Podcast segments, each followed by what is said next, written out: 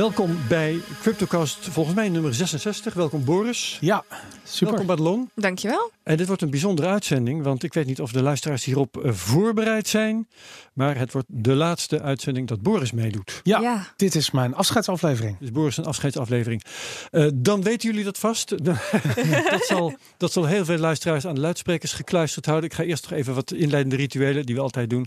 Eh, we hebben sponsors, dat zijn bitonic.nl, bitmymoney.com en satos.nl. We doen geen beleggingsadvies, dat weten jullie langzamerhand allemaal. En eh, dat is het volgens mij. Eh, Boris, eh, omdat iedereen zich dat natuurlijk afvraagt. Waarom stop je?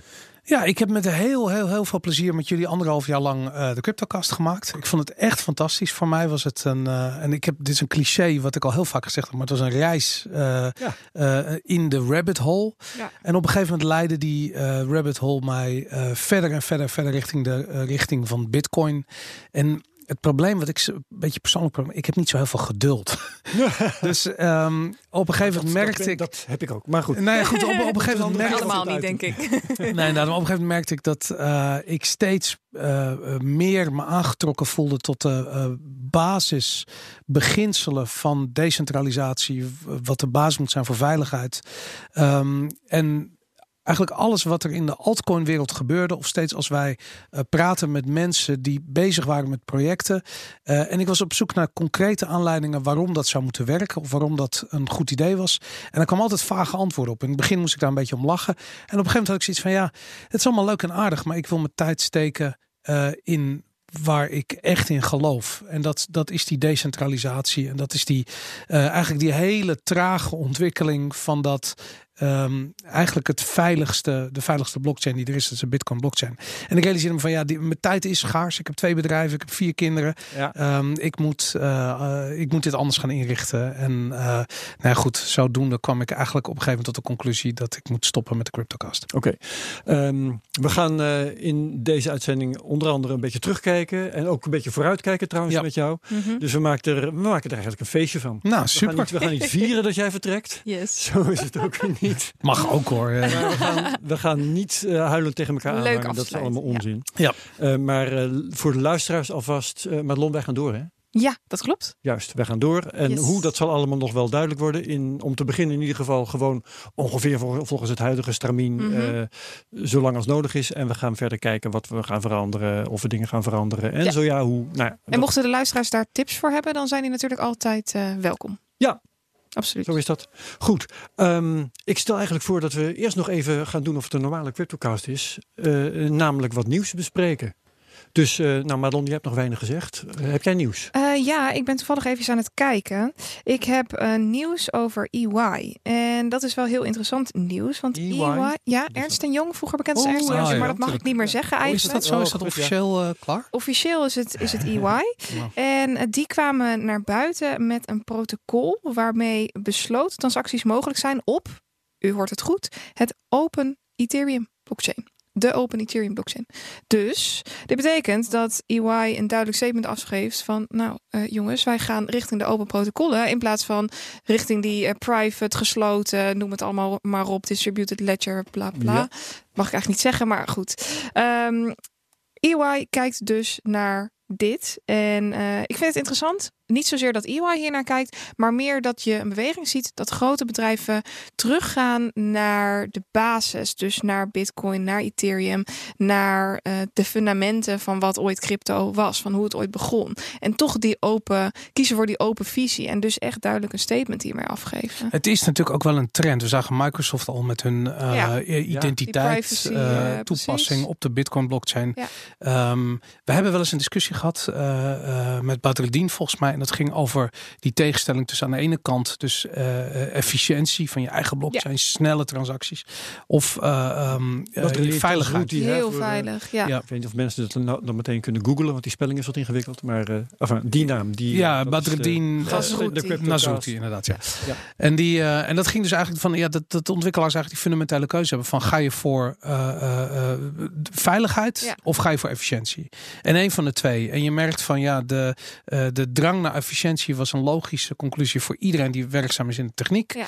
Ehm, en nu merk je nu het allemaal wel iets Je wilt toch dat je wordt. persoonsgegevens veilig opgeslagen worden. Natuurlijk. Sterker nog, je wil dat ze het veiligst opgeslagen Precies, worden. Ja, en dat zie je nu inderdaad gebeuren. En wat Badreddin destijds ook zei, is dat er heel veel partijen geëxperimenteerd hebben. Dus dat je begint met het intranet en daarna denkt, nou, het internet is misschien ook wel heel erg handige toepassing. Dus, dus dat was een hele mooie vergelijking. En nu heb ik het idee dat dus steeds meer bedrijven richting dat ja, open publieke eh, domein gaan. En wat nog wel grappig is om toe te voegen, EY die zorgt er dus voor door middel van zero knowledge proof dat eh, alle documentatie, stel dat je bijvoorbeeld een hypotheek wil afsluiten, dan is het zo dat je niet meer hoeft aan te tonen ik verdien zoveel geld, Mhm. maar de eh, bank krijgt een seintje ik mag die hypotheek afnemen tegen een bedrag van dit, want mijn eh, salaris is in ieder geval toereikend genoeg. Groter Dus- dan zoveel. Ja. Precies, Volledig transparant op de blockchain. Eh, het, het is dus wel een deel afge voor een deel afgeschermd. Ja. Eh, de bank weet dus niet in principe wie jij bent of hoeveel je verdient, maar wel of je iets mag, ja of nee. En dat is iets wat ik juist heel mooi vind. Maar ik zie jou lachen, Boris. Jij dus totaal niet. Ja, nee, de-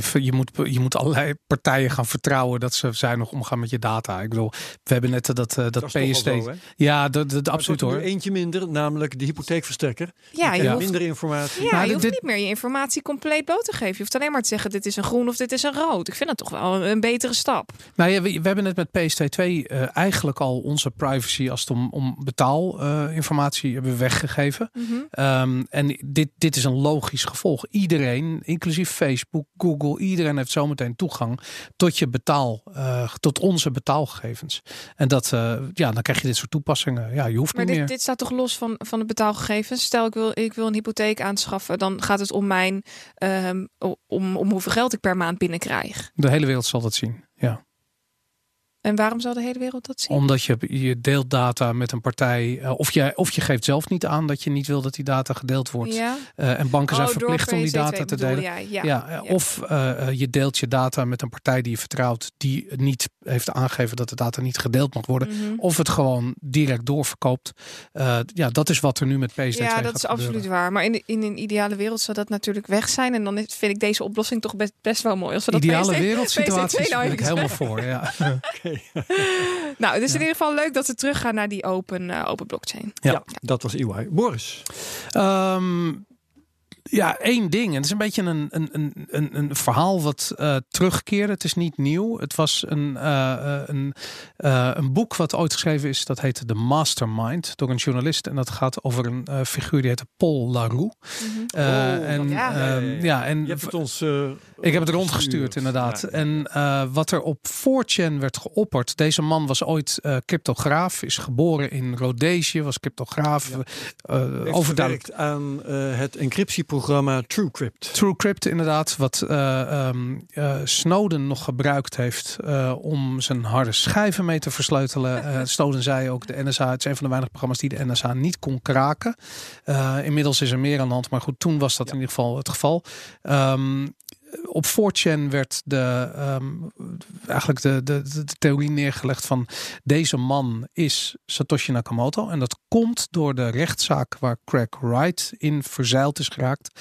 Eh, dat gaat om een aantal harde schijven die hij heeft ehm, gestolen. Tussen want daar gaat de rechtszaak over. Van iemand die heet Daan Kleiman. Nee, Daniel Kleiman volgens mij. Ja, het zit wel in de buurt. Ja, Ja, zoiets inderdaad. Ik haal Dan twee mensen daarom. Nee, nee, nee. Die, eh, Verre familie Lijkt er heel erg op. Lijkt heel erg op Da- Daniel Kleiman.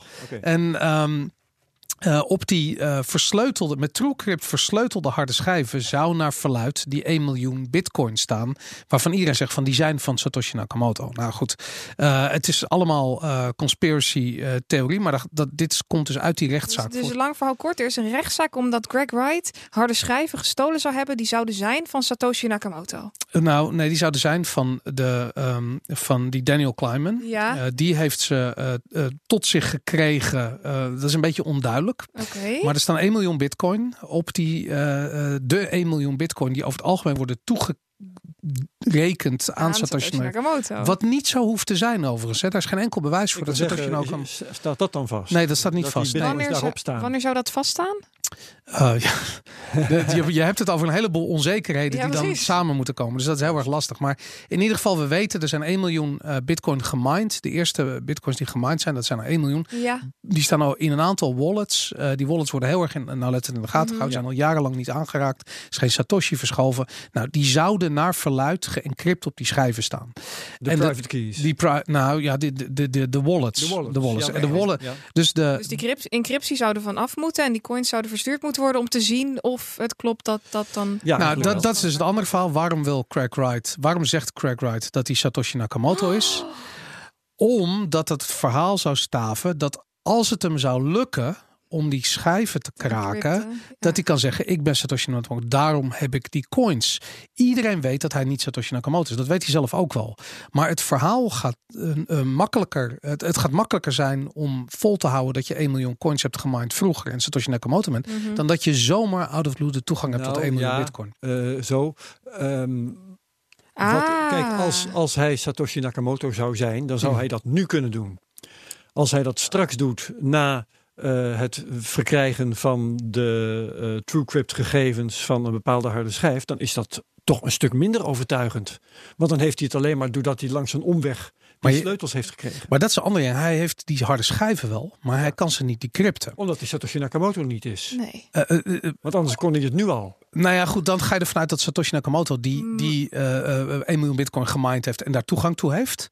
Maar we weten in ieder geval. De definitie van Satoshi Nakamoto. Nou, dat is, dit- dat is nooit. Maar- eh, dat is natuurlijk heel vaag. Hij al. Het heeft is dus aannames. met een reden gedaan. Het kan dus best zijn dat hij dit heeft gedaan omdat hij die, eh, die, die hoe noem je dat, harde schijven heeft gekregen of, of, ge- of gestolen. Gejat, gejat van die Daniel Kleinman. Ja. Die vervolgens daar recht zijn. Of zijn familie, want hij is dood, Daniel Kleinman. Oké. Misschien zelfs al vermoord door Craig Wright. Ehm, en die familie eh, is daar nu een rechtszaak over Dus begonnen. hij, hij heeft die schijven, die harde schijven, heeft hij ooit een keer ontfutseld. En hij heeft gewoon gedacht, ik ga zeggen dat ik Satoshi Nakamoto ben. Als ik dan ooit aan die 1 miljoen bitcoin kom, dan heb ik tenminste een legit reden. Ja, nou goed. Dat is, Wow. Ja, die stof hè. Ja. En eh, ehm, Maar wacht eens even. Eh, dit, het, het verhaal begon met een zekere Paul Leroux. ja, laten we Oh ja. teruggaan naar Paul Roux. Waar, en het verhaal speculeert dat hij Satoshi Nakamoto is. Waarom? Eh, nou, dat heeft met die schijven te maken. Die Mhm. schijven zouden, die Daniel Kleinman was betrokken bij de arrestatie van Paul met het onderzoek naar hem. Eh, Craig Wright zou daar ook een rol in spelen. Die zou eh, voor, een, eh, voor de DEA eh, een informant zijn geweest. Eh, die Paul eh, even heel kort zijn levensverhaal. Hij is eh, geboren in eh toenmalige Rhodesië. Eh, daar totdat hij tiener was opgegroeid. Toen eh, kwam de socialisten aan de macht, eh, Mugabe. Eh, toen werd het Zimbabwe. Ehm eh, Paul Leroux is met zijn familie naar Zuid-Afrika verhuisd. Daarna is hij naar UK, naar de USA en naar Nederland eh, eh, eh, gekomen. Uiteindelijk Australië terechtgekomen. En uiteindelijk geëindigd op de Filipijnen. Aan het eind van zijn, in het begin van zijn carrière was hij een heel begenadigd programmeur. Eh TrueCrypt ontwikkeld, was echt een, een cryptograaf. Dat zat is in, essentieel hè, verstand van cryptografie. ja, Mhm. hij heeft heel veel verstand van cryptografie. Dat is ook Antoma. Hij zat heel erg in die community. Ehm, maar begon een, een zwarte medicijnenbusiness. Werd daar multimiljonair mee. En uiteindelijk ging in de drugs, wapenhandel en van alles en nog wat. Werd echt een crime boss. En is in 2012 in eh, de bak gegooid. En dat laat dat nou net het moment zijn dat Satoshi Nakamoto van de radar verdween. En dat is eigenlijk wat 4chan zegt. Hier houdt mijn eh, eh, eh, geloof in het verhaal volledig op. Want ik denk niet dat hij Satoshi maar hoe Nakamoto is. zit, Dan, hoe zit die Daniel Kleinman er dan weer mee verweven met, dit is onduidelijk, maar hij was betrokken bij het onderzoek en heeft op die manier toegang gekregen tot de harde schijven van Leroux. En op die schijven zou dus die 1 miljoen bitcoin staan. En ehm, Greg Wright heeft, die ook betrokken was, op een of andere manier bij deze hele toestand, heeft die schijf in zijn bezit gekregen. Sinds wanneer is Leroux eh, overleden? Leroux is niet overleefd, die zit in de Oh, gevangenis. Oh, juist. en en die, hoe- wanneer is, eh, is, is Da- Daniel Kleinman overleden? Eh, d- dat weet ik, dat zou ik niet durven zeggen precies. Hmm. Maar Ik vind het een Ehm, interessante samenloop van maar- maar wacht even, wat- omstandigheden. het is heel interessant. Maar wat ik me afvraag, dat is het eh, past. Wat jij vertelt over die Leroux past niet echt in het beeld dat de meeste mensen van Satoshi Nakamoto Nee. hebben. totaal niet. Namelijk een soort gangster. Eh, hij is een gangster. En Zeker de laatste tien jaar van zijn leven was hij volledig paranoïde. eh, bezig om eh, ballen in de lucht te houden. Hij was bezig met drugs, met eh, eh, te overleven, met liquidaties, proberen Uit- zelf uit- te uit overleven. Hoe Bitcoin is geconstrueerd, spreekt een bepaalde visie over economie Ja. en, en geld. Eh, dat soort voor de bij wat jij nu net schetst over die Polaroo. Nee. Nou, de- maar dat vind ik het interessante. Juist doordat iedereen denkt dat Bitcoin vanuit een bijna eh, academische hoek komt. Hè? Je, je, je bijna zoiets van iemand die dat ontwikkelt. Als het niet aliens zijn, dan moet het wel iemand zijn die echt doorverrocht is met kennis van monetaire economische theorieën. Ja. Nou goed, dat, dat. En dan komt er opeens de gedachte langs van wat als het nou niet bedacht is vanuit het idee dat eh, de wereld hervormd moet worden. Dus met andere woorden, dat iemand eh, bouwt aan een techniek om de wereld beter te maken. Maar wat als het gebouwd is vanuit de gedachte dat iemand het nu nodig heeft? En wat ik zo interessant eraan wacht. Dus toch pre-mining, die miljoen Nou, Bitcoin. maar kijk, hij had ontzettend, die Polaroo had, had behoefte aan het wegsluizen van veel geld uit een land waar die in de problemen zat, namelijk Filipijnen op dat ogenblik. Dus eh, er kan een, je had op dat ogenblik al DigiCash en e-gold en dat soort Ja. principes. En die het probleem daarvan, die waren heel gecentraliseerd, dus kwetsbaar. En hij heeft eigenlijk gedacht van ja, we moeten iets anders hebben. Eh, het zou kunnen zijn vanuit zo'n gedachte. Ik vind dat. Ik, ik ga daar niet in mee. Ik geloof dat niet. Ik geloof niet dat Waarom geloof jij het niet? omdat ik het niet logisch vind dat je eh, eh, aan de ene kant een, een misdaadsyndicaat in de lucht houdt, aan de andere kant iets ontwikkelt als bitcoin. Dat En is te veel werk, dat klopt Om heel niet. eerlijk te zijn, dit komt natuurlijk ook wel heel lekker. Dit is wel clickbait. Dat, eh, Nou, het is 4chan, uitspelen. hè? dus ik bedoel... De, de, Ja, oké, maar goed, oké, dus... Maar even los daarvan, wat ik er namelijk interessant aan vind... is omdat iedereen denkt dat bitcoin uit een academische hoek komt... zou het best wel eens tegenovergesteld het geval kunnen zijn. En het maakt zoveel sens... Hoe bedoel je dat? Nou, dat het eh, voortkomt uit een praktische noodzaak. Ehm, wat is er nou eh, logischer dan dat Bitcoin bedacht wordt door iemand die opgroeit in Zimbabwe? Hm. Die eh, hyperinflatie aan de, den lijve ondervindt. Hm. Die als een, een cryptograaf, die in een cryptografisch netwerk zit van, met andere programmeurs, die eh, ehm, eh, begrijpt dat de overheid iets is die, wat je moet vrezen. Ehm, die eh, vervolgens hyperinflatie ervaart. Dat je vanuit die gedachte nadenkt over wat geld zou moeten zijn. Eh, met andere woorden, bitcoin als oplossing voor een acuut probleem. In plaats Hmm. van bitcoin als, als economisch Ja, maar monetair. dan dan Maar- moet je aannemen dat heel kort na de ontwikkeling van Bitcoin dat het een functionerend geldsysteem Nee, het is een zijn. idee. Het is, het is bedacht. En ge- Ja. het, het- het moment waarop het bedacht is, het moment waarop het gebouwd is, daar kan waarschijnlijk. Want het is natuurlijk, als je terugkijkt, is dit niet iets wat out of the blue ontstaan is. Er waren heel veel van dit soort Ja, ja, ja, digitale cash is- eh, is- de bedrijven. Ehm, iets anders.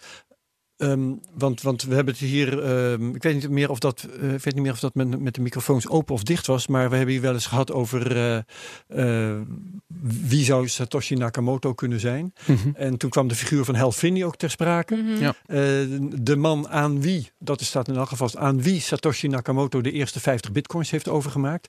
Ik heb dus in dat hele verhaal, dat eh, 20 schermen lang was of zo, Mhm. heb ik zitten zoeken naar de naam van Hal Finney. Ik dacht, die moet ergens opduiken. Ja, Want Polaroo moet Hal Finney, eh, stel dat hij Satoshi Nakamoto zou zijn, moet hij Hal Finney hebben gekend. En dat moet de auteur van dat artikel als iets significants hebben herkend. Ja. Ja. Nergens te vinden. Ja, klopt. Dat, dat, het, het is ook zo. Maar ook dat hele boek wat er geschreven is over die Polaroo. eh eh, nergens komt het woord bitcoin voor. En de journalist die het boek geschreven heeft, zegt ook van... ik heb geen enkele aanwijzing gevonden dat hij ook maar iets met bitcoin te maken heeft. Hm. Dus eh, de enige link die wordt gelegd is eigenlijk... eh, dat wordt gebeurd door Craig Wright. We weten dat Ja. de man een leugenaar en oplichter is.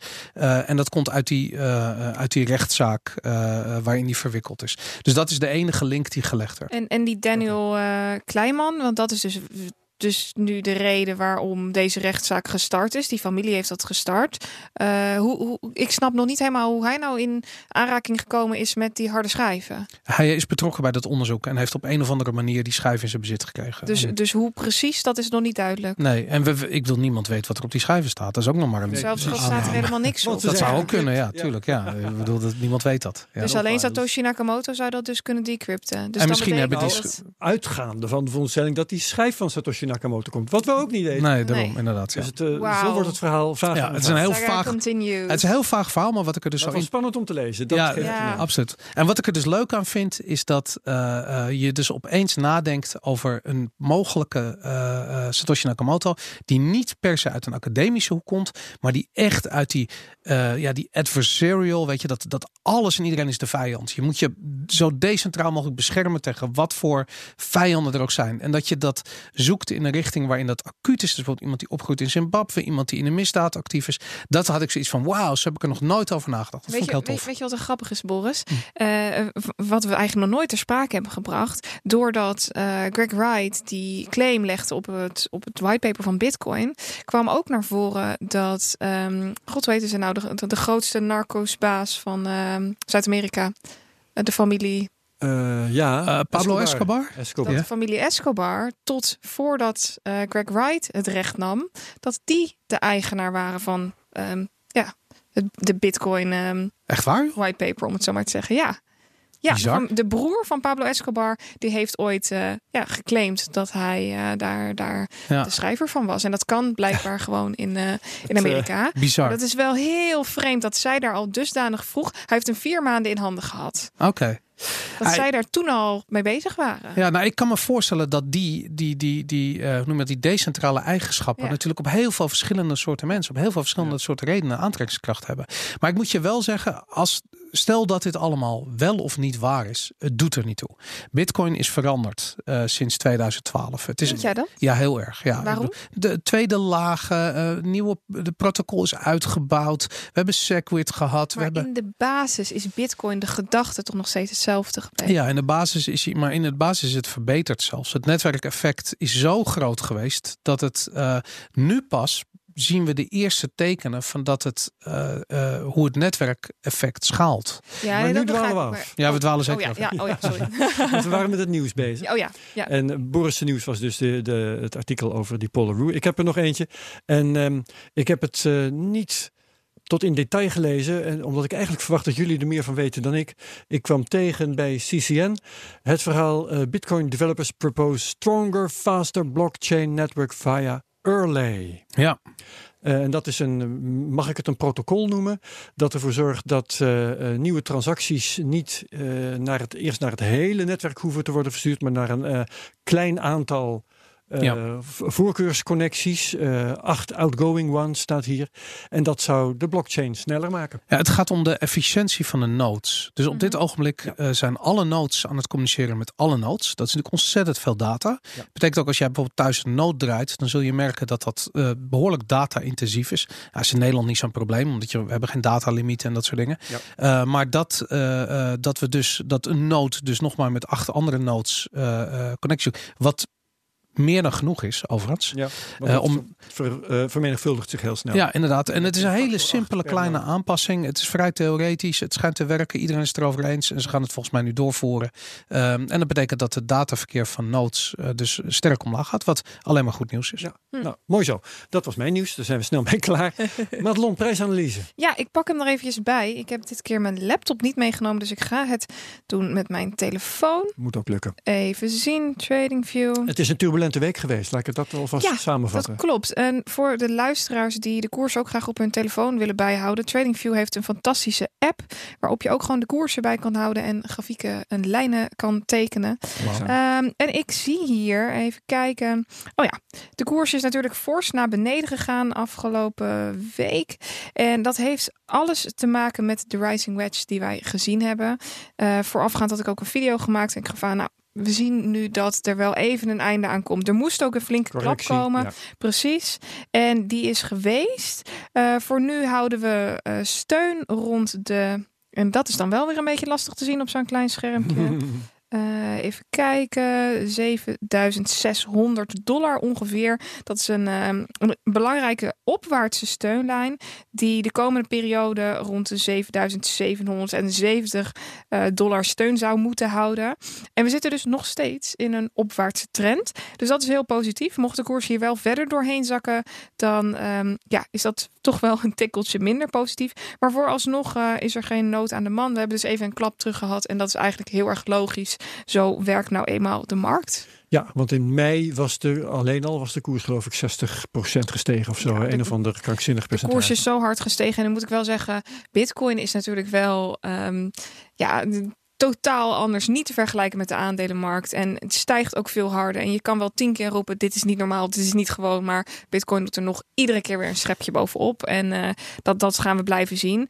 En dit was een, een kleine correctie terug van slechts nou, 10% ongeveer. Ze- 17% volgens mij Oh, zag ik. nou, 17% in totaal, maar dat is ja, het slaat nergens op. Het is niks. Het is een mini-correctie ten opzichte van wat, eh, wat normaal zou moeten zijn na zo'n eh, forse stijging van eh 100% in drie maanden. En eh, kijk dat, hè, dat je 100% stijgt in drie maanden. eh, dat is niet vol te houden. Want dat betekent als we dat de volgende drie maanden weer zouden doen. En de volgende drie maanden weer zouden doen. Dan eh, Ja, zitten we op gelijk, Da- ja, daarom dat, maar, dat, maar het gaat ook gewoon te hard. Ik bedoel, dingen kunnen niet zo hard stijgen. vind ik ook. Ja. Eh, dus deze correctie is niet meer dan eh, logisch. Ja. Welkom bijna. Daarom. En hij, eh, ik moet wel zeggen, hij viel samen met het nieuws dat de Amerikaanse SEC, de beurswaakhond, eh, een of andere eh, ICO-project eh, heel hard heeft aangepakt. Een project dat heet KIN. En die gasten Ja. die, eh, nou ja, goed, dat, we, gaan daar, we zien daar de eerste tekenen van dat er Ja. alsnog met terugwerkende kracht die ICO-markt heel hard aangepakt wordt. Ja. Dus ik denk dat je dat een beetje terugziet in die prijs. Dat zou best dus kunnen. Ik heb daar geen, eh, ik heb het er niet eh, naast elkaar gelegd, maar dat zou best kunnen dat dat ook een eh, bepaalde invloed heeft gehad. Ja. En het is alleen maar goed dat de SEC daar hard op, eh, op ingrijpt als je het mij vraagt. Oké. Ehm, dan begint nu het grote nakaarten. Ja, we gaan nakijken. Ik ben benieuwd. Voor mij is het een beetje een verrassing. eh, wat Ja, nou kijk, ehm, ik, eh, ik, ik eh, wil de Zwarte Piet even bij jou leggen, Boris. Want eh, in het kader van het nakaarten Mhm. wil ik eigenlijk wel eens weten eh, aan welke afleveringen, welke gasten, ik hoef geen nummers van je te horen, maar misschien wel gasten of andere onderwerpen jij de aardigste herinneringen bewaart. Ja, dat, zijn, dat is wel heel veel. We hebben eh 66 afleveringen gedaan. Dus dat, dit is de 66, Ja. 65 Ja, afleveringen gedaan. Ehm daar zitten er een aantal bij die waren echt episch. Ehm, dan Maar- moet je ook weten wel, oh, ja, nou, ik, je hebt een aantal vormen van episch. Weet je, ik bedoel, ik weet dat we bijvoorbeeld toen we de aflevering met Willem, Willem Middelkoop deden. eh, ja, Willem is zo ontzettend Ja, goed in, in one-liners uitleggen wat Ja. er mis is met met de economie. Hoogduin was... Eh, nou, de, Formidabel. de- bij, bij Lex Hoogduin had ik dat zelfs nog minder. Weet je, ik bedoel, economisch gezien heel sterk. Eh, maar ik had het idee, Willem snapt iets meer van de techniek van wat Bitcoin is. Dat, Ja. dat vond ik echt heel goed. En, eh, maar ik vond bijvoorbeeld, eh, wat ik altijd leuk vind, is als er gasten komen die ik bijvoorbeeld niet ken. Mhm. Dus de gasten, gasten die ik zelf eh, research voor een aflevering of uitnodig. Ja, de, de uitzending zelf is een beetje een herhaling van het voorgesprek en een beetje een herhaling van zetten. Ehm, en ik vind het juist leuk als er gasten komen die ik niet ken. En, en eh, ik had het bijvoorbeeld met eh, Simon Lelyveld toen die eerste keer kwam. Dat was voor mij eh, echt een eye-opener, omdat hij gewoon zo ontzettend veel weet. Twee keer geweest inmiddels. Twee keer inmiddels, ja. van de geschiedenis van geld. Daar weet hij echt heel veel van af. En dat vond ik heel erg interessant. Ehm, even kijken, wat had ik nog meer? Er is, ehm, eh, ik heb het ook gehad, hoewel het technisch misschien wel een van onze slechtere afleveringen was. Maar Mark van der Tjijs. eh, Oh ja, ja. Om de- ja, omdat via zij- Skype Ja. vanuit, Ja. eh, wat was dus, Vancouver. Vancouver inderdaad, ja, omdat hij zo qua context zo ontzettend veel kan invullen over wat er gebeurt als je, als je het vanuit een mining perspectief naar Bitcoin kijkt. En hij durft, hadden- hij durft het ook. Ja. De koers van de bitcoin gaat exploderen. Ja. Ja, dat klopt inderdaad, die aflevering. Ja. Ja. En, en, ook dat, Makkelijk te googlen. en ook dat hij zei van ja, ik mine bitcoins en ik hou ze eh, totdat ze 100.000 dollar zijn. Dat is het businessmodel. Vet, weet je. Ik bedoel, wie heeft er nou zo'n En, businessmodel? en ik, voor de mensen die dat niet gehoord hebben, het gaat om zijn miningbedrijf, hè, Hut 8. Ja, klopt. Ja, ja. Ook in Canada gevestigd en op de Canadese beurs. Ja, en dat. ja. Tuur de Meester was ook, die was heel, qua timing heel erg goed. Eh, dat, was, dat was een fantastisch verhaal natuurlijk. Ik bedoel, eh, Tuur weet zo ontzettend veel. En ik, ik heb zoveel respect voor hoe hij ook aan mensen die net beginnen met Bitcoin kan. Want ik hoor hem wel eens bij eh, ja, investors podcast of zo. Weet je, en mensen die weten dan niks van Bitcoin. Dan legt hij dat heel geduldig, heel gefocust to the point legt hij dat uit. En ik bedoel, ik zou dat niet eens kunnen. Ik heb daar gewoon heel veel respect voor. Ik vind dat heel goed. Dus dat soort gasten vond ik, dat zijn denk ik wel mijn, mijn hoogtepunten Ja, geweest. ja, ja. En jij, Madelon? Oeh, nu moet ik ook. Ehm, Het even, hoeft niet, maar Even, even denken hoor. Ik, ik ben het wel heel met eens. Ik vond eh, de uitzending met Willem, dat gaf mij zoveel energie dat je hem tijdens de uitzending zag draaien. En eh, nu zag ik hem twee weken geleden bij, eh, bij de Telegraaf staan. eh, gewoon om te vertellen dat hij ook wel kijkt naar eventuele cryptofonds. Dat ik dan denk, zo, dat is toch gaaf dat we ja, dat, dat, dat dat gewoon daaruit voortkomt. En ehm, welke aflevering vond ik nog meer heel interessant? Ik vond inderdaad die met Lex Hoogtuin ook heel erg mooi. Dat was een, uh, een aflevering. Lex die legt op een, op een hele rustige manier uit. Maar je moet wel van goede huizen komen om dat te kunnen begrijpen. En als je dan het gehele plaatje overziet, um, daar, daar leer je zo ontzettend veel van. En ik Ja. heb wel gemerkt dat het afgelopen anderhalf jaar dat we met z'n allen in een, in een gat gesprongen zijn. En nou, we zijn maar blijven Rabbit hole zou Boris Precies, zeggen. ja. We zijn maar blijven gaan en blijven vliegen. En je leert zoveel van iedere gast opnieuw dat je weer iets opsteekt en dat je denkt, oh ja. Zelfs laatst nog bij Badreddin dat ik er pas achter kwam dat Ethereum eigenlijk helemaal geen value coin is. En dat ik dacht, nou wat stom, hoezo heb ik dat nooit eerder gezien? Iedere aflevering opnieuw heb je alweer iets bij een gast waarvan je denkt, nou hier ben ik het totaal niet mee eens of ben ik het totaal wel mee eens. En dat neem je weer mee en maak jou als persoon weer, nou ja, een stukje, stukje slimmer. Weet je wat ik daar ook mee heb? Is dat je als je gasten hebt die ehm, eh, bijvoorbeeld iets niet weten. Of een bepaalde mening over iets hebben waarvan ik denk van, maar dit ligt genuanceerder. Dan vind ik het gewicht van die gast heel erg interessant. Weet je, als wij hier, eh, wat ik bijvoorbeeld heel erg interessant, ik heb twee concrete voorbeelden. Lex Hoogtuin was hier en we hadden het over of Bitcoin ooit geld kon zijn. En hij zei van Bitcoin heeft niet de eigenschappen van geld, want de Mhm. eigenschappen van geld zijn store of value, unit of exchange en uh, of uh, means of, of exchange en unit of account. Um, en ik ben ervan overtuigd dat dat stadia zijn waarin een bepaalde asset zich ontwikkelt. Mm -hmm. En hij zegt van ze hebben, Bitcoin heeft gewoon niet die eigenschappen, dus is het geen geld. Op dit moment niet. Daarom. Maar, maar dat vind ik het interessante, dat er dus vanuit een traditionele uh, economisch uh, blik gekeken wordt naar Bitcoin. En dat iedereen zoiets heeft van het is geen geld. En datzelfde hoorde ik terug bijvoorbeeld bij Petra Hielkema van de Nederlandse Bank, die ook ja. zoiets heeft van hoe kun je nou zeggen dat, dat Bitcoin geld is? Dat is het helemaal niet. Uh, kijk maar wat geld wel is. Ja. En dat vind ik interessant, want uh, ik denk vanuit mijn perspectief, maar eigenlijk van ons perspectief, als je er op een bepaalde manier naar kijkt, dan denk ik van we zien Bitcoin de afgelopen jaren veranderen van een asset die absoluut geen enkele monetaire eigenschap heeft, naar een asset die inmiddels best wel iets heeft wat lijkt op een store of value eigenschap. En op het moment dat store of value heeft, is het alleen maar logisch dat mensen het willen hebben en dat het geruild wordt op een gegeven moment. En um, nou ja, nu, nu werd dat eigenlijk bevestigd door, uh, uh, wat was het, de, vorige week, twee weken geleden, Christine Lagarde, die een uitspraak deed daarover. Um, dat Bitcoin best wel eens een rol zou, een destabiliserende rol zou kunnen spelen in de bankensector. Ja. Precies vanwege die eigenschap. En dan denk ik zoiets van, ja, dat is, dat is gewoon vet. Weet je, dat we, we lopen met deze podcast echt vooraan in die ontwikkeling. En we zien het live gebeuren. Ja. Uh, en als je dan uh, ja, de context van, van oldschool economen uh, bekijkt, die zijn er niet zo mee bezig en die zien het niet live gebeuren. Die lopen daar een beetje in achter de feiten. Ja, ja, ja. Okay. Maar dat is wel weer iets wat je dan weer met je meeneemt. En dat iedereen het vanuit een ander perspectief bekijkt. En daardoor zijn wij als, als, als makers van dit programma wel heel rijk qua kennis wat dat betreft. Dat is wel echt Ja. een voorrecht om dat uh, ja. Ja. te mogen ervaren, absoluut. Absoluut. Ja, ik zal er zelf een paar noemen. Um, ik heb heel veel plezier beleefd aan uh, uh, vooral de eerste keer dat we Thomas Bolle hier hadden. Die Ja, Oh ja, zeker. ja, Altijd een goede gast. Ja. de, de rol kon uitleggen die Bitcoin zou kunnen vervullen als een alternatief voor muntgeld. Ja. Martijn Wismeijer vond ik geweldig. Ja. Eh, Ja, leverancier van persoon. Bitcoin geldautomaat. Ook al vanwege de, het soort vent dat hij is, inderdaad. Maar ook bijvoorbeeld eh, Dien van Duchteren. Die, eh, de man die met NIO in Van de wereld- Malta, in ja. Malta bezig is. En heel leuk kon vertellen hoe Malta. Eh, en niet te vergeten eh, Mark Snijders. Ja, Van van, de- de, crypto-oplichters. Ja. Het, dat vind ik nou ja, interessant. Ga maar door. We hebben zoveel leuke kerels gehad. En Ah. trouwens, hebben we vrouwen gehad? Hebben we überhaupt vrouwen gehad? Ja, Petra Hielkema hebben we Petra gehad. En Kim van, Hel Kim, van Helwegen, die ook Van Helwegen. heel erg veel Ja. wist van te super weinig goede gast. vrouwen gehad, maar ik ben bang dat het wel representatief is voor het veld. Ja, tot op zekere hoogte. Ja, ja, dat denk ik wel. Ik denk dat toch gauw Ja. eh, nou 98% eh wel man is hoor. Ja. In deze branche. Ja, Ja, misschien maar, wel. eh, waar. Nou, Denk jij van niet, Boeren? Nee, nee, ik denk minder, maar ik, ik, ik heb geen cijfers. Maar als, ik kijk, als ik kijk naar mijn volgers, eh, in ieder geval op YouTube, dan zit ik op eh 98,7% wat man is. 98,7. ja, ja, dat, kan ik dat kan ik me dan weer wel voorstellen. 99 procent. Laat ik zo zeggen, ik, ik denk dat mannen vooral in staat zijn om blind bitmax op te rennen en eh, daar al hun geld op Ja, stuk te slaan. absoluut. Terwijl vrouwen daar misschien nog drie keer over nadenken. Moet ik dat wel doen? Ja. Hey Boris, ehm, waarom ben jij ooit begonnen met de CryptoCast? Ehm, ik vond dat het een. eh, eigenlijk was ik was een aantal keer te gast bij jou in eh BNR Digitaal. ja.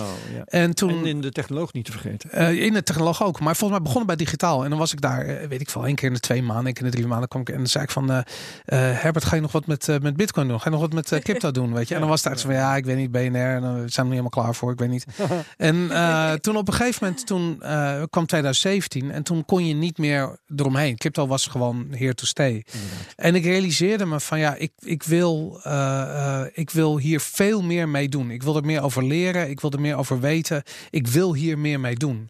En eh, toen zaten wij volgens mij voorafgaand aan een, aan een BNR Digitaal te brainstormen daarover. En toen was het echt zo van, nou, laten we een podcast gaan doen. Ja. En toen vertelde jij van hoe de podcast situatie van BNR was en dat dat best wel zou kunnen werken.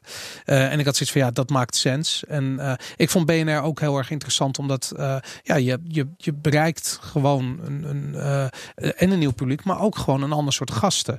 Weet je, ik, Mhm. doe, ik doe ook nog zelf een podcast, maar ja, dat is een, dat is een heel ander soort eh, soortige gast, heel ander soort setting, ander soort gesprek, andere podcast. En ik dacht van ja, bij BNR dat kan echt iets. En ik denk dat is het ook echt. Cryptocast is ook echt iets unieks Zeker. geworden. Ja, Het is ook een groot succes geworden, in, eh, alleen al in termen van luisteraars, aantallen Ja. luisteraars. Mhm. Maar ook als je naar ons eh, Twitter-stream kijkt, eh, reacties. Hè? Ja. Eh, Ontzettend veel die- volgers. ja, en dat in een bear market, hè? Ook Ja. nog. En dat in een bear market, want daar Ja. gaan we het ook nog over hebben. Maar eh, de, de, pluim op de hoed van onze luisteraars, dat ze die hebben als ze het ergens niet meer eens waren. Hè, we zijn veel uitgemaakt voor Bitcoin ca- cast, niet waar, Ja, Boris? ja, vooral de laatste. Ik ken vooral de laatste. Maar toch eh, altijd op een vreedzame maanden. manier. En vaak Ja. kwam er ook meestal, een compliment achteraan van jongens, ga vooral zo door.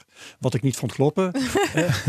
Foei Bitcoincast en ga zo door. Maar dat tekent onze luisteraars toch dat ze Maar eh, het tekent niet ook horen crypto, het Twitter-trollenvolk. Maar het is ook crypto gewoon. Weet je, ik, crypto is een. Kijk, iedereen heeft een belang bij een- Bitcoin. Ja, Dus wat dat betreft, als je het over Bitcoin. Het is, het is ook, je kan er niet echt naast zitten.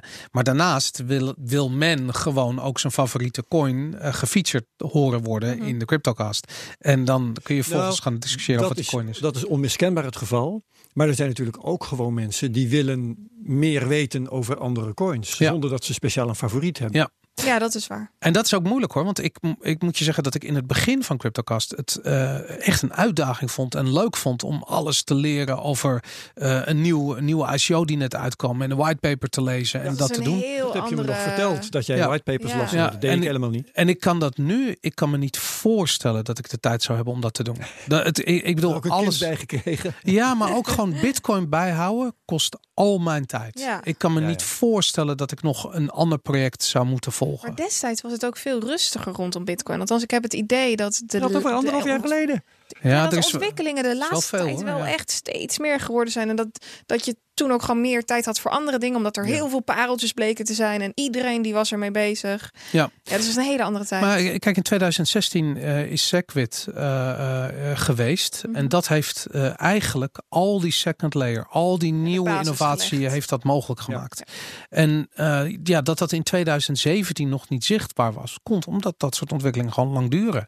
En nu pas zie je wat de, wat de gevolgen van. Nu zien we Lightning Network, nu zien we al die, die nodes, die node software, die opeens heel toegankelijk, wat bijna een soort, ja, we zijn er nog niet, maar het is echt super simpel om dat te installeren. Terwijl we ging dat twee jaar geleden doen. Nou, ik ben echt wel twee dagen bezig geweest om, eh, weet ik veel, blockchain te downloaden op een oude Linux bak. Jouw, eh, jouw enthousiasme gaat alweer met je op de loop. We hadden het over altcoins. Door, Ja, door jou inderdaad. meestal shitcoins genoemd. En dan Mhm. kwamen de luisteraars weer in het geweer. Er is nog een, ehm, een eh, eh, zaak waar jij eh, eh, negatieve energie graag op richt. En dat is de blockchain. Ja, oh, nou, als modewoord, hè? ja, distributed ja. ledger technology. Ja, we noemen het wat je wil. ehm, Maar. Je weet dat ik een, eh, een hobby heb. En dat is het vinden van muziek die met Ja. bitcoin te maken heeft. en eh, ik wil jou iets laten horen. Daar gaan we helemaal naar luisteren. Ehm, dat kost twee, drie kwart minuut. De luisteraars die er geen zin in hebben, kunnen dus gewoon skippen. Maar jij bent gedwongen om dat helemaal uit te zitten. Daar komt hij aan. Als ik eh, het allemaal goed doe. Ja, daar komt hij aan. I woke up this morning feeling so much fear of missing out. I woke up this morning feeling full of freaking FOMO. So I became a blockchain boy and joined the crypto crowd. You know, I went down to the office to show my proof of work. Yeah, I went to the office just to show my proof of work. And you know what happened? The boss increased the difficulty. Oh, Lord Jesus, what jerk. Then I got confirmed by all my peers. That's what got me in the mood. Yeah. Confirmed by all my peers. That's what got me in the mood. I figured if everybody's doing it, you know what? Guess it's gotta be something good. Okay. I couldn't trust the boss man. I couldn't trust my wife.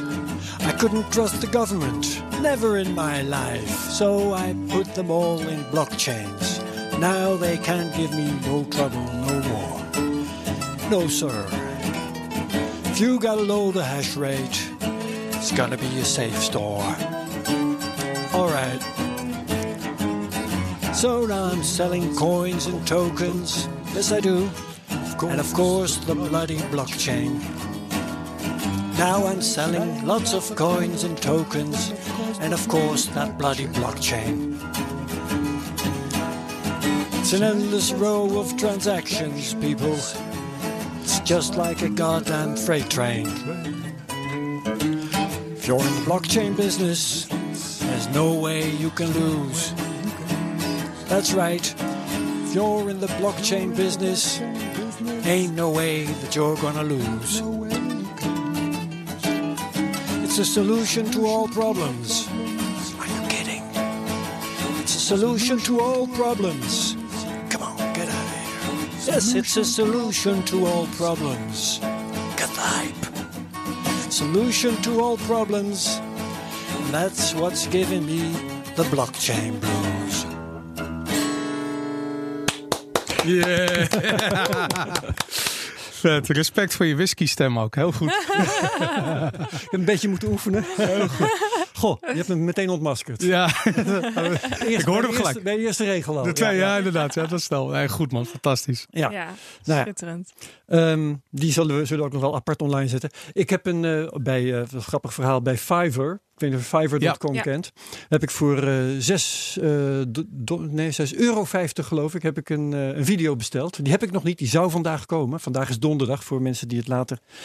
Niemand gaat dit horen voor vrijdag volgens mij, want we hebben straks nog meer te doen. Mhm. Ehm, maar er komt dus eh, spoedig een video en ik zet hem op Spotify. En we zetten hem ook in de stream van. Een eh, videoclip van- hiervan. ja, eh, eh, nou ja, weet je, dat zal geen serieuze video-animatie 6,05 euro. worden of zo. Voor 6,5 euro ben je wel aan. Je mag blij zijn als er eh, de tekst in beeld komt en wat kleurtjes en zo. Ja. Maar dan kun je in elk geval de tekst goed volgen voor wie eh, voor, eh, het niet helemaal verstaanbaar vindt. Vet. Heel tof. Oké, dus dat is eh, de blockchain. Ja, we, moeten we daar nog over hebben trouwens? De blockchain als hype. De blockchain als iets wat misschien toch nog wel. Blockchain dat- is de oplossing van alles, hoorde ik in jouw nummer. de- dat is het ook, natuurlijk. Nee, Ja, maar ik- ik denk hoe weet we- jij dat? Nee, ik vind, dat, ik, ik vind het hoopgevende dat dat nu voorbij is. Ik denk dat ik eh, zeg halverwege onze podcast misschien zoiets dat het duidelijk werd dat het echt het verhaal niet echt houdbaar meer was. Ja. En wat, wat, ik, wat ik heel interessant, we hadden best wel veel blockchain experts tussen aanhalingstekens eh, hier in de studio. Ehm, dus mensen die geld verdienen om bedrijven te informeren en, en lezingen en congressen en weet ik veel dat soort dingen. En als je dan hier specifiek dan, daar over dat onderwerp praat, dan was het altijd van ja.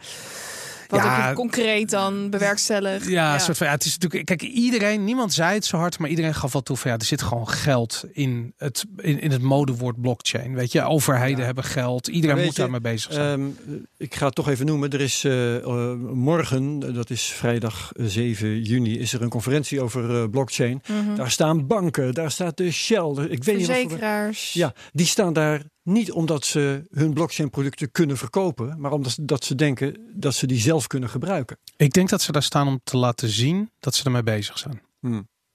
En ik denk dat dat is wat heel erg blockchain gedreven heeft. En dat is net als internet. Ik bedoel, de, dat, dat kan je vast ook herinneren. Dat toen internet net uh, kwam, toen moest opeens iedereen een website hebben. Ja, wij, wij doen iets met internet. Daarom. En Ja. het was Ja. totaal onlogisch wat er volgens op die website stond. Dat maakte niet uit. Ja, weet en je? met de cloud en eh, Daarom. Met, eh, En ik- Maar data. iedereen heeft nog steeds een website. Nee, maar niet op die manier. Niet, niet, dat, ik heb heel veel van die websites gebouwd Ik wil niet veel zeggen, maar... Ja, maar eh, nu wordt er nagedacht over functionaliteit. En toen werd er gewoon Het doel was, we moeten een website.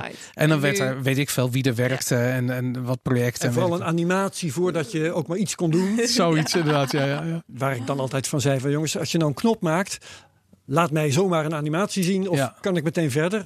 Wat denk je? Maar oké, Ja. goed. Is, Want ja. je moest vindbaar zijn. Dat soort. Maar goed, anyway, dat soort hypes, dat, het hoort ook bij techniek. En ik denk eerlijk gezegd, ik zie in blockchain, in die hype, zie ik dat. Weet je, ik bedoel, wat er vrijdag is, dat is een congres voor eh, eh, eh, website, voor, voor websitebouwers en websitecommunicatie, maar dan anno 2019.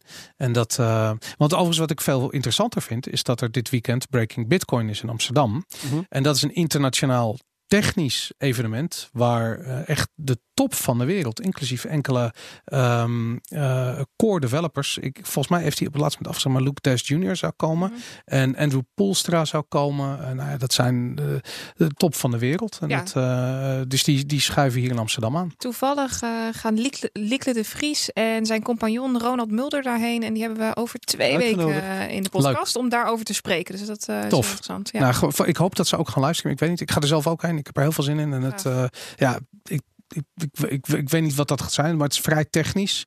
Eh, maar ehm, ja, ik, ik denk dat daar wordt echt gesproken over waar de volgende generatie technische oplossingen, welke richting dat op gaat. Mhm. Ja. Oké, ehm, ik wil eigenlijk wel van je horen wat jij nou, als het om crypto gaat, de belangrijkste gebeurtenissen van de afgelopen anderhalf jaar vindt. Eh, ik, de- nou, boven alles de bear market. Ja. Dat, ik, de- ik bedoel, dat, dat was... No eh, contest. Ja, inderdaad. Er, er is niks anders. Wat zo, dat is zo raar. Terwijl eigenlijk prijs niks zegt over techniek. Vond je het zwaar? Eh, nee, eerlijk gezegd, ik vind het nu zwaar, omdat het nu voorbij is. Het klinkt heel Ja, raar. ja. Ja. ik weet maar ik heb een keertje eh, voor een eh, bedrijf gewerkt en het bedrijf ging niet zo goed. En, het, en we waren allemaal, iedereen die er werkt was super gemotiveerd Ja. om door, die, door, die, door dat dal heen te werken. En toen ging het weer goed en ben ik weggegaan. Kon niet meer. En het lijkt een beetje op waarom ik nu ook stop met CryptoCast. Ja. Omdat het gewoon, de bear market is voorbij. We zijn er doorheen. En ik voel in de verte alweer dat, dat die donderende vloedgolf Er aan komt weer een klap. ja, publiciteit en prijs. En Ja. iedereen moet weer wat van je. En dat, dat, dat, dat Ja. zit er weer aan te komen. En, dat, eh, en eerlijk gezegd, ik zie daar tegenop. Maar ik vind, eh, dus ik vond de bear market, ik, ik had hem niet zien aankomen. Nee. Eh, niet op die manier. Ehm, het, het duurde ook best wel even Wij voordat... hadden eh, ho- hoge, hoe moet ik het zeggen? We hadden, we hadden grootste plannen. Ja, met onze eh, beleggingsspel natuurlijk. Wat uiteindelijk natuurlijk een, een, een, een echt... Nou, ik bedoel, het was een schoolvoorbeeld van de top kopen en de bodem verkopen. Ja. Ehm, maar in die zin ook alweer fictief, leerzaam. Maar toch. Wat, Ja, had je, wat had je wel verwacht? Je zegt, ik, ik had het niet verwacht. Eh, een koers die eh, in, in, in drie maanden Nou, dat van kan ik je vertellen 3000 wat naar, Boris had verwacht. naar 20.000 stijgt. Want Boris heeft mij nog eens een keertje geappt of gemaild. De bitcoin kan maar één kant op en dat is recht omhoog. Ja, en dat geloof ik nog En steeds quote. Hij gaat ook recht omhoog. Alleen eh, je moet uitzoomen. Maar je had Ja. die klap überhaupt niet verwacht of dat het zo relatief lang, het, het is eigenlijk nog relatief kort geweest zelfs, maar dat het zo lang zou duren? Eh, ik vond dat hij eh, ver naar beneden doorschoot. Ja. Te ver, denk ik. Eh, maar nu inmiddels weet ik dat dat ook natuurlijk is. Dat, dat, Ja. ja. ik ben echt niet een. eh, eh, ik, ik, ik ben geen trader. Ik ben geen belegger. Ik ben niet bezig met aandelenkoersen. Dus voor mij was dit. eh, het was mijn tweede bear market. Maar ehm, de eerste heb ik anders ervaren. Omdat ik erop zat te wachten. En gewoon zoiets had van ja. Nu, ik, ik vond 1000 dollar gewoon te duur om ook maar iets te doen met Bitcoin. En toen had ik zoiets van ja, ik, ik zat er niet, ik was er niet mee bezig. En nu zag, zag ik het echt ook door de CryptoCast. Elke week zag ik dat in elkaar donderen. Met name die altcoins. En dat, eh, dat, dat ging zo hard. En ook de verhalen van, want in, eh, ja, weet je, in 2014, 2015, niemand die ik kende was met Bitcoin bezig. En nu bijna iedereen om me heen was met crypto bezig. Ja. En was eh, ja, coins eh, links en rechts aan het verliezen, o- interesses aan het verliezen. En dat, eh, ja, ik, ik moet zeggen, dat, dat was veel heftiger dan ik gedacht had. Ja, Hm. ja, ja. Buiten de bear market. Nog, want hè, op het moment dat wij begonnen, was geloof ik eh, december, was het nog was het januari, februari. We zijn Oh, februari ja, begonnen, ja. februari. Februari 2018. 2018. Ja. Ehm, toen Segwit was geweest. Uh, Ja. De belangrijkste forks waren geweest. Ja. Eh, wat, wat kun jij verder nog noemen? Ja, Lightning. Lightning. Eh, Ja. Lightning vond ik belangrijk en ik vind adoptie heel erg belangrijk. Dus ik denk toen wij begonnen had je heel erg dat inderdaad eh, blockchain not bitcoin verhaal. Weet je, veel banken, veel instellingen, veel beleggers waren daarmee bezig. En nu, als je nu kijkt, dan is het gewoon, het is bitcoin, bitcoin en nog eens bitcoin. En je ziet gewoon die grote institutionele beleggers ermee aan de slag gaan. Grote bedrijven gaan ermee aan de slag. En Lightning, ehm, ja, ik, ik had toen wij begonnen had ik, ik had geen ervaring met Lightning. Inmiddels heb ik eh, meerdere nodes geïnstalleerd, eh, BTCP-servers geïnstalleerd. Ik vind dat echt fascinerend hoe goed het werkt. En ik vind het ook fascinerend hoe nog niet goed het werkt en waar het heen moet gaan nog. Het is gewoon nog lang niet uitge, Ja. uitontwikkeld. En dat, eh, ja, dat, dat, ja, het is wat het is. Maar ik, je ziet wel waar het heen gaat. En dat, dat is interessant. En Madelon, ben jij daarmee eens? Want jij leeft ook in bitcoin. Wat, wat heb jij de afgelopen anderhalf jaar eh belangrijkste gevonden? Ehm, ik vond de correctie nodig. Dat was logisch. Ja. Eh, hij klapt inderdaad ver door. En ja, soms is dat lastig. Maar ehm, ik moet zeggen dat ik eigenlijk wel hetzelfde heb als Bos. Op het moment dat het weer omhoog gaat, dat je denkt... Daar gaan we. Hij, hij gaat nu en het, het gaat strakjes nog veel ongekender zijn wat we allemaal gaan meemaken. Daar kunnen we ons nu gewoon niet indenken. En dat maakt mij banger dan die 3000 of, of al was het 1000 dollar geweest. Ja. Of 300. Ja. Het, het is, had alsnog niks uitgemaakt. Het, het feit dat we naar iets toe gaan waarvan we alle drie, waarvan iedereen die in de crypto community be- bezig is, actief is, niet kan inschatten. Eh, wat er gaat gebeuren, dat, dat vind ik iets veel lastigers. Het is, het is op dit moment niet tastbaar waar we naartoe gaan. En hetzelfde geldt voor het internet. Je ziet wat het allemaal teweeggebracht heeft. Bedrijven die kapot gaan, nieuwe bedrijven die opstaan. En dat ga je nu ook zien. Ja. En eh, dat, dat het iets groots gaat worden, dat ja, kunnen, we, kunnen we natuurlijk beamen. En dat maakt me inderdaad ook wel weer een beetje angstig. Maar waar Ja. denken jullie dan dat het heen gaat gaan? Ik bedoel, als je nu kijkt. Ja. Ik, ik, ik, ik wou eigenlijk heel spe- specifiek aan Madelon vragen. Als je zegt bang, angstig, ben je op een of andere manier bang voor het succes? Of eh, zijn er ontwikkelingen waar jij bang voor bent die juist de pret kunnen bederven? Nou, ik hoop dat het, dat het de goede kant op gaat. Het kan namelijk ook wel, wel heel goed de verkeerde kant op gaan. En dan spreek ik niet over een koers die inklapt. Nee, maar dan bedoel ik dat- dodelijke, dodelijke overheidsingrijpen? Of Ja, zo? dat je, dat je met handen en voeten gebonden wordt. Dat eh, ehm, Bitcoin bij wijze van spreken aan de voorkant en aan de achterkant compleet gecontroleerd wordt. Dat alles in de gaten gehouden wordt. Eh, hetzelfde geldt voor allerlei restricties om eh, tokens die worden ingedeeld in allerlei verschillende klasses. van values tot currencies tot, nou noem het maar op. Die allemaal restricties krijgen als dat we nu zien in de huidige wereld. Dat we eigenlijk weer toegaan naar iets wat al helemaal, ehm, nou ja, zeg maar mis zit in, in de core. En dat we daar dan Bitcoin ook aan, aan, aan vastbinden. Maar dat zegt eh, Simon Lelyveld in onze aflevering. eh, wat was het vorige week of twee weken geleden? Twee Twee weken Twee weken geleden was hij er. En toen ehm, eh, zei hij ook van eh, het is heel goed mogelijk dat er een tweedeling komt tussen, tussen aanhalingstekens legale bitcoin. Ja, een soort van zwarte de- markt. Ja, en, Dus, en de bitcoin die niet gevonden wil worden door de eigenaren. En ehm, ja, als je die lijn doortrekt, dat betekent eh, dat er dus een soort crackdown op Ja. bitcoin komt. Maar dat betekent voor alle andere projecten, die, ik bedoel, daar gaan mensen gewoon de bak in vliegen. En dat is wat je bij die SEC-zaak tegen Kin Eh, al ziet. Ja. Ja, dat ga je straks bij, bij, bij nog veel meer van die projecten zien. Ik bedoel, Dit, dit is dan nog wel eh, heel negatief getrokken. Maar je kan hem ook eh, in het plaatje zetten als de gewone burger, de gewone Jan in de straat, die ooit een keer bitcoins heeft gekocht, nooit zijn account heeft geverifieerd. Eh, Mhm. die kan daar ook de dupe van zijn. En los daarvan, we zien dat ons hele monetaire systeem wakkelt. ehm, van top tot teen. En dat kan enorme gevolgen gaan hebben. Zolang het, het bijdrukken van geld, quantitative nog door blijft gaan. En zolang de rente niet oploopt, gaat het allemaal van zijn leien dakje.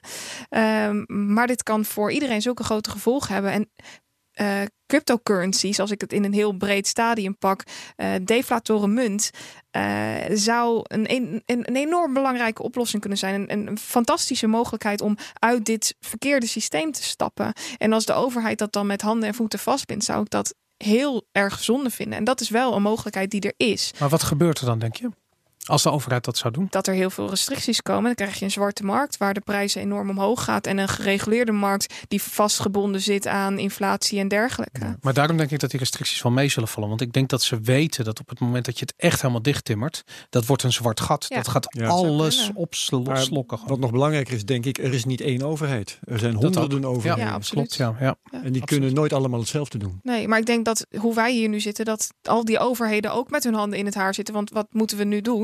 Eh, als het IMF al toegeeft, we, er is een, wel degelijk een systeemrisico op het moment dat zo'n bitcoin groter groeit. Wat we Ja. dus nu steeds meer gaan zien. Leg mij eens uit hoe dat systeemrisico zou moeten werken. Ik bedoel, blockchain groeit groot. Ja. Eh, is dus een, een formidabel bolwerk van, van kapitaal, van Ja. geld.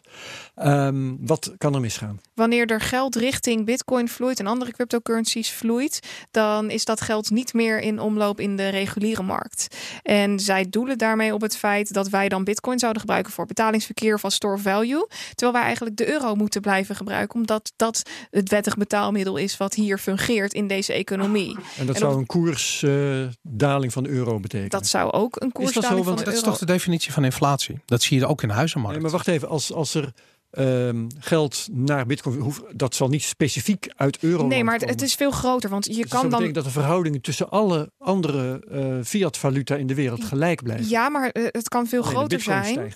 Eh, ook bijvoorbeeld het lenen van geld. Je, je kan al een hypotheek nemen met bitcoins als onderpand.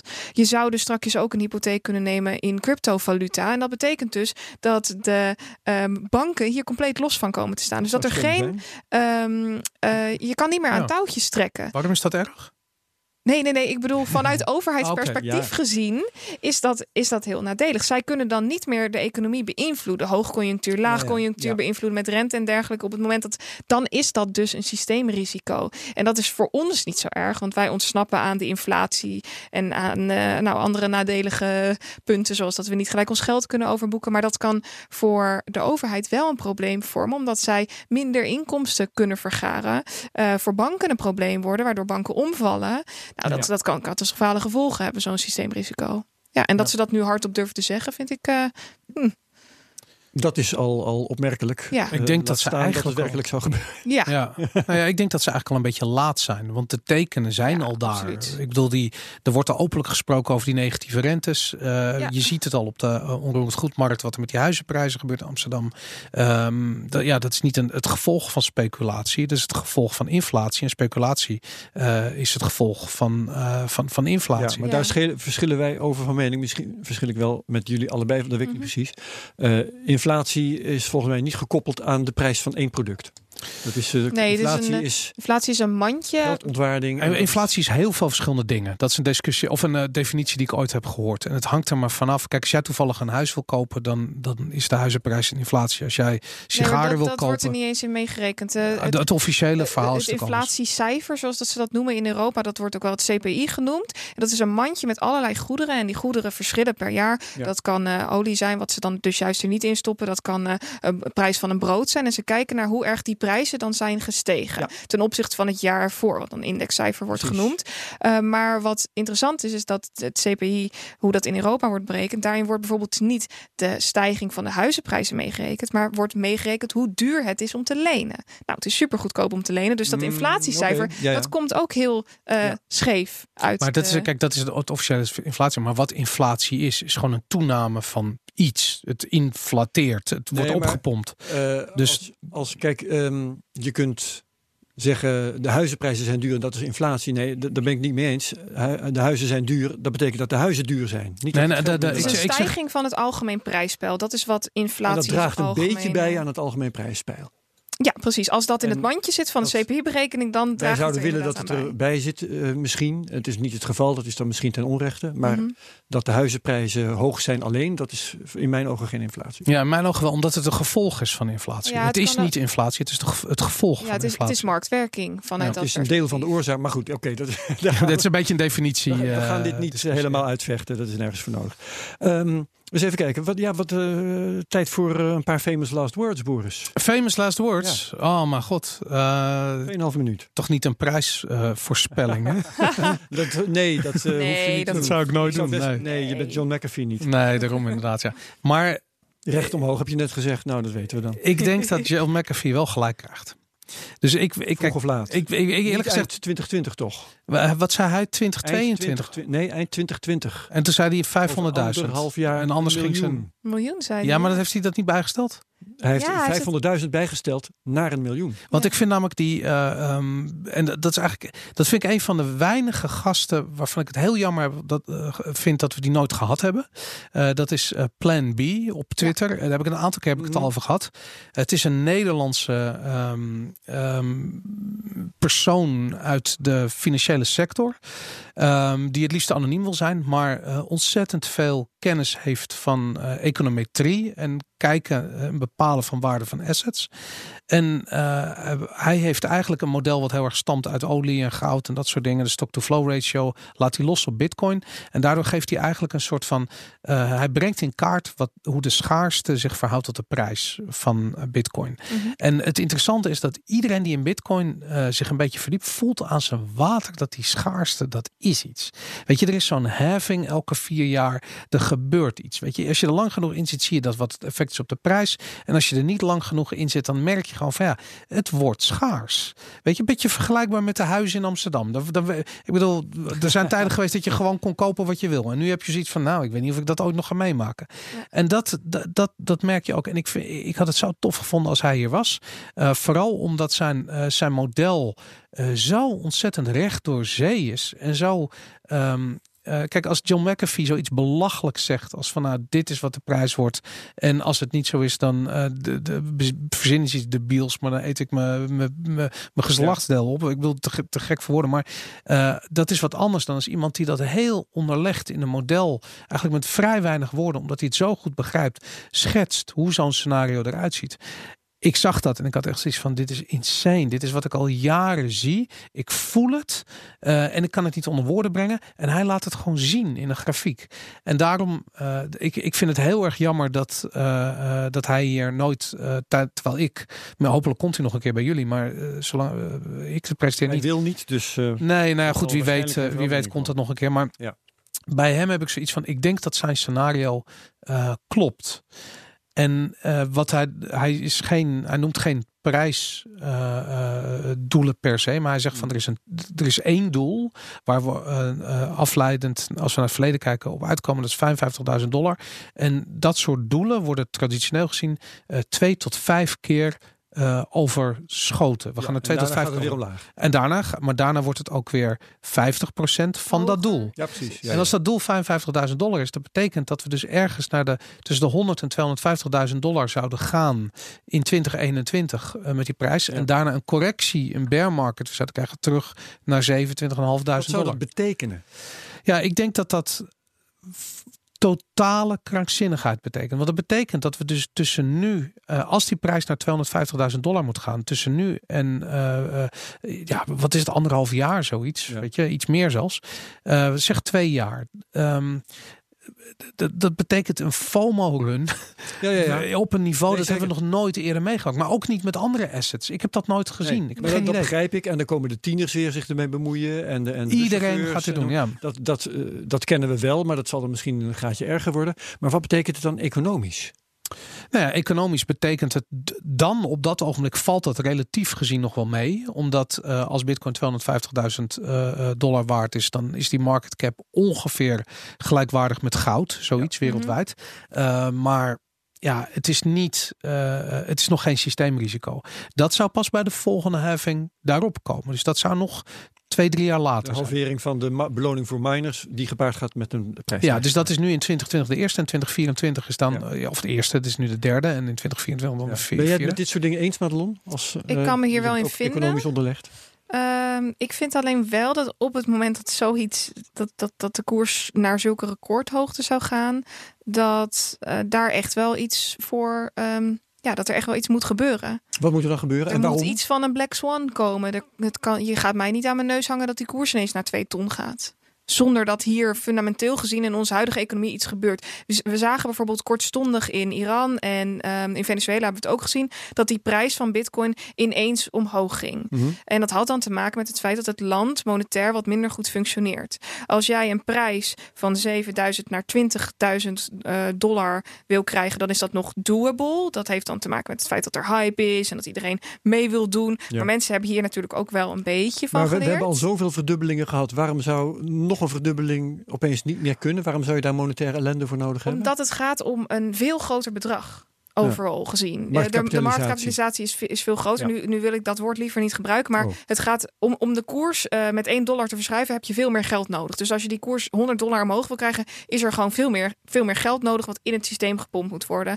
En als jij een koers naar 200.000 dollar wil krijgen, is daar veel meer geld voor nodig dan dat we tot nu toe eh, hebben gezien. Maar dat hangt wel af van het aanbod. En dat is het hele ding. Kijk, dat, aanbod gaat waar. halveren. Eh er worden op dit ogenblik 500.000 pak een beet. Eh, een Maar beetje. er moet wel vraag zijn. Maar dat is de interessant. Die, ver- op dit ogenblik zijn er maar relatief weinig bitcoins eh, Ja. verhandelbaar. Mhm. Van alles wat er bestaat, is er op dit ogenblik Iedereen te schattingen tussen de, of ze kwijt is. ja, rond tussen de 4 en 1 miljoen bitcoin. Tussen de 1 en 4 miljoen bitcoin zouden actief verhandeld worden. Er is Nou, nog steeds inflatie. Hè? Er is nog steeds een beetje inflatie. ja, dat zijn die Althans, 500.000 Er wordt bijgemaakt. Er wordt bijgemaakt, ja. Dus dat zijn, maar dat gaat dus in 2020 naar 250.000. En de gevolgen daarvan zouden best wel eens direct voelbaar kunnen zijn op die exchanges, op, die, op, op het aanbod van Bitcoin. Mhm. En wat, wat ik zo interessant is, als je die prijzen, dit is echt iets wat, wat jij beter weet dan ik. Maar ehm, een van de redenen dat we zo hard naar beneden zijn gegaan, van 20.000 helemaal terug naar, naar, naar, naar 3 of 4.000, eh, heeft te maken met dat er eigenlijk in de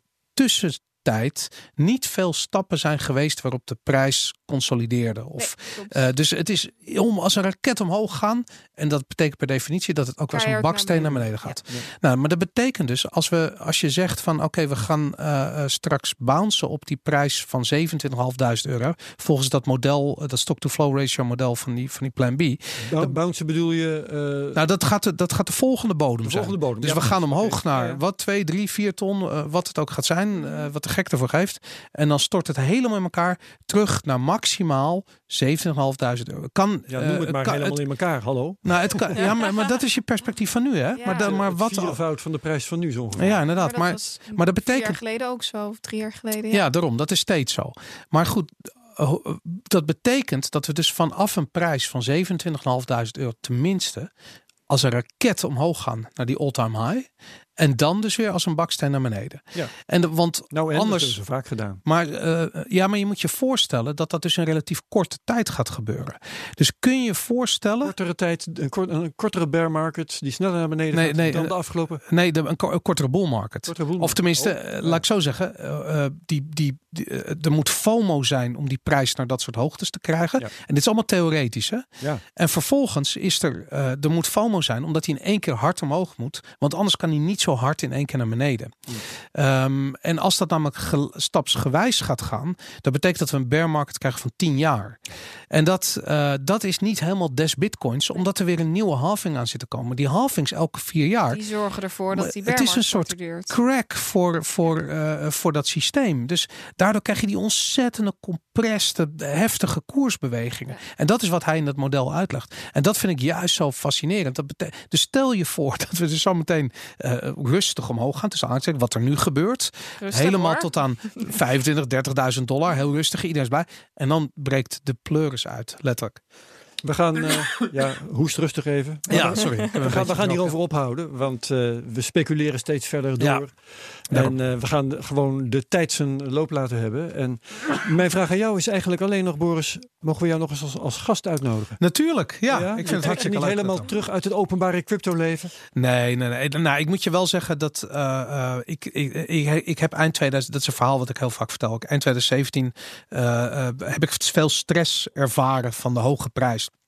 Ben ik ook eh, eh, eh, klaar, was ik klaar ermee, de boel verkocht, was er gewoon klaar mee. En ehm, ik zal niet zo snel eh, meer s'nachten wakker liggen om mijn telefoon te refreshen. En dat, daar ben ik echt klaar mee. Ik wil dat niet meer. Ik ga er ook niet op die ma- manier mee om. Ik vind de, ehm, de prijs van Bitcoin eh, fascinerend als het gaat om de fundamenten van het project, maar niet meer fascinerend voor mij persoonlijk. Nee. Ik kan er niet zoveel mee. Ik vind de, eh, de economisch-monetaire revolutie waar we voor staan, vind ik echt, uh, dat, daar, kan ik, ja, daar kan ik niet genoeg van krijgen. Um, en ja, als jullie daarover willen praten, echt, ik ben met alle liefde schuif ik aan. Altijd over gelukkig maar. Ja, maar niet elke keer met jou trouwens. nee, ik hoop dat jullie ook uh, plan B hier een keertje in de studio uh, krijgen. Want dat, dat, dat ga ik gelijk luisteren. Ja, Oké. Boris, ik wil je hartelijk danken voor anderhalf jaar prettige samenwerking. Herbert, jij bedankt. En Madelon, jij bedankt. ik bedankt, Boris. Het was een grote eer om met jullie dit te doen. En ik wil ook alle luisteraars bedanken voor het luisteren naar mijn gezwets elke week. Ja, super cool. Heel goed, dit was CryptoCast 66. Volgende week doodgewoon CryptoCast 67 met Madelon. Yes. En ondergetekende Herbert Blankensteen. Dus zeg ik tot volgende week. Luisteraars, dank. Tot dan. Dag.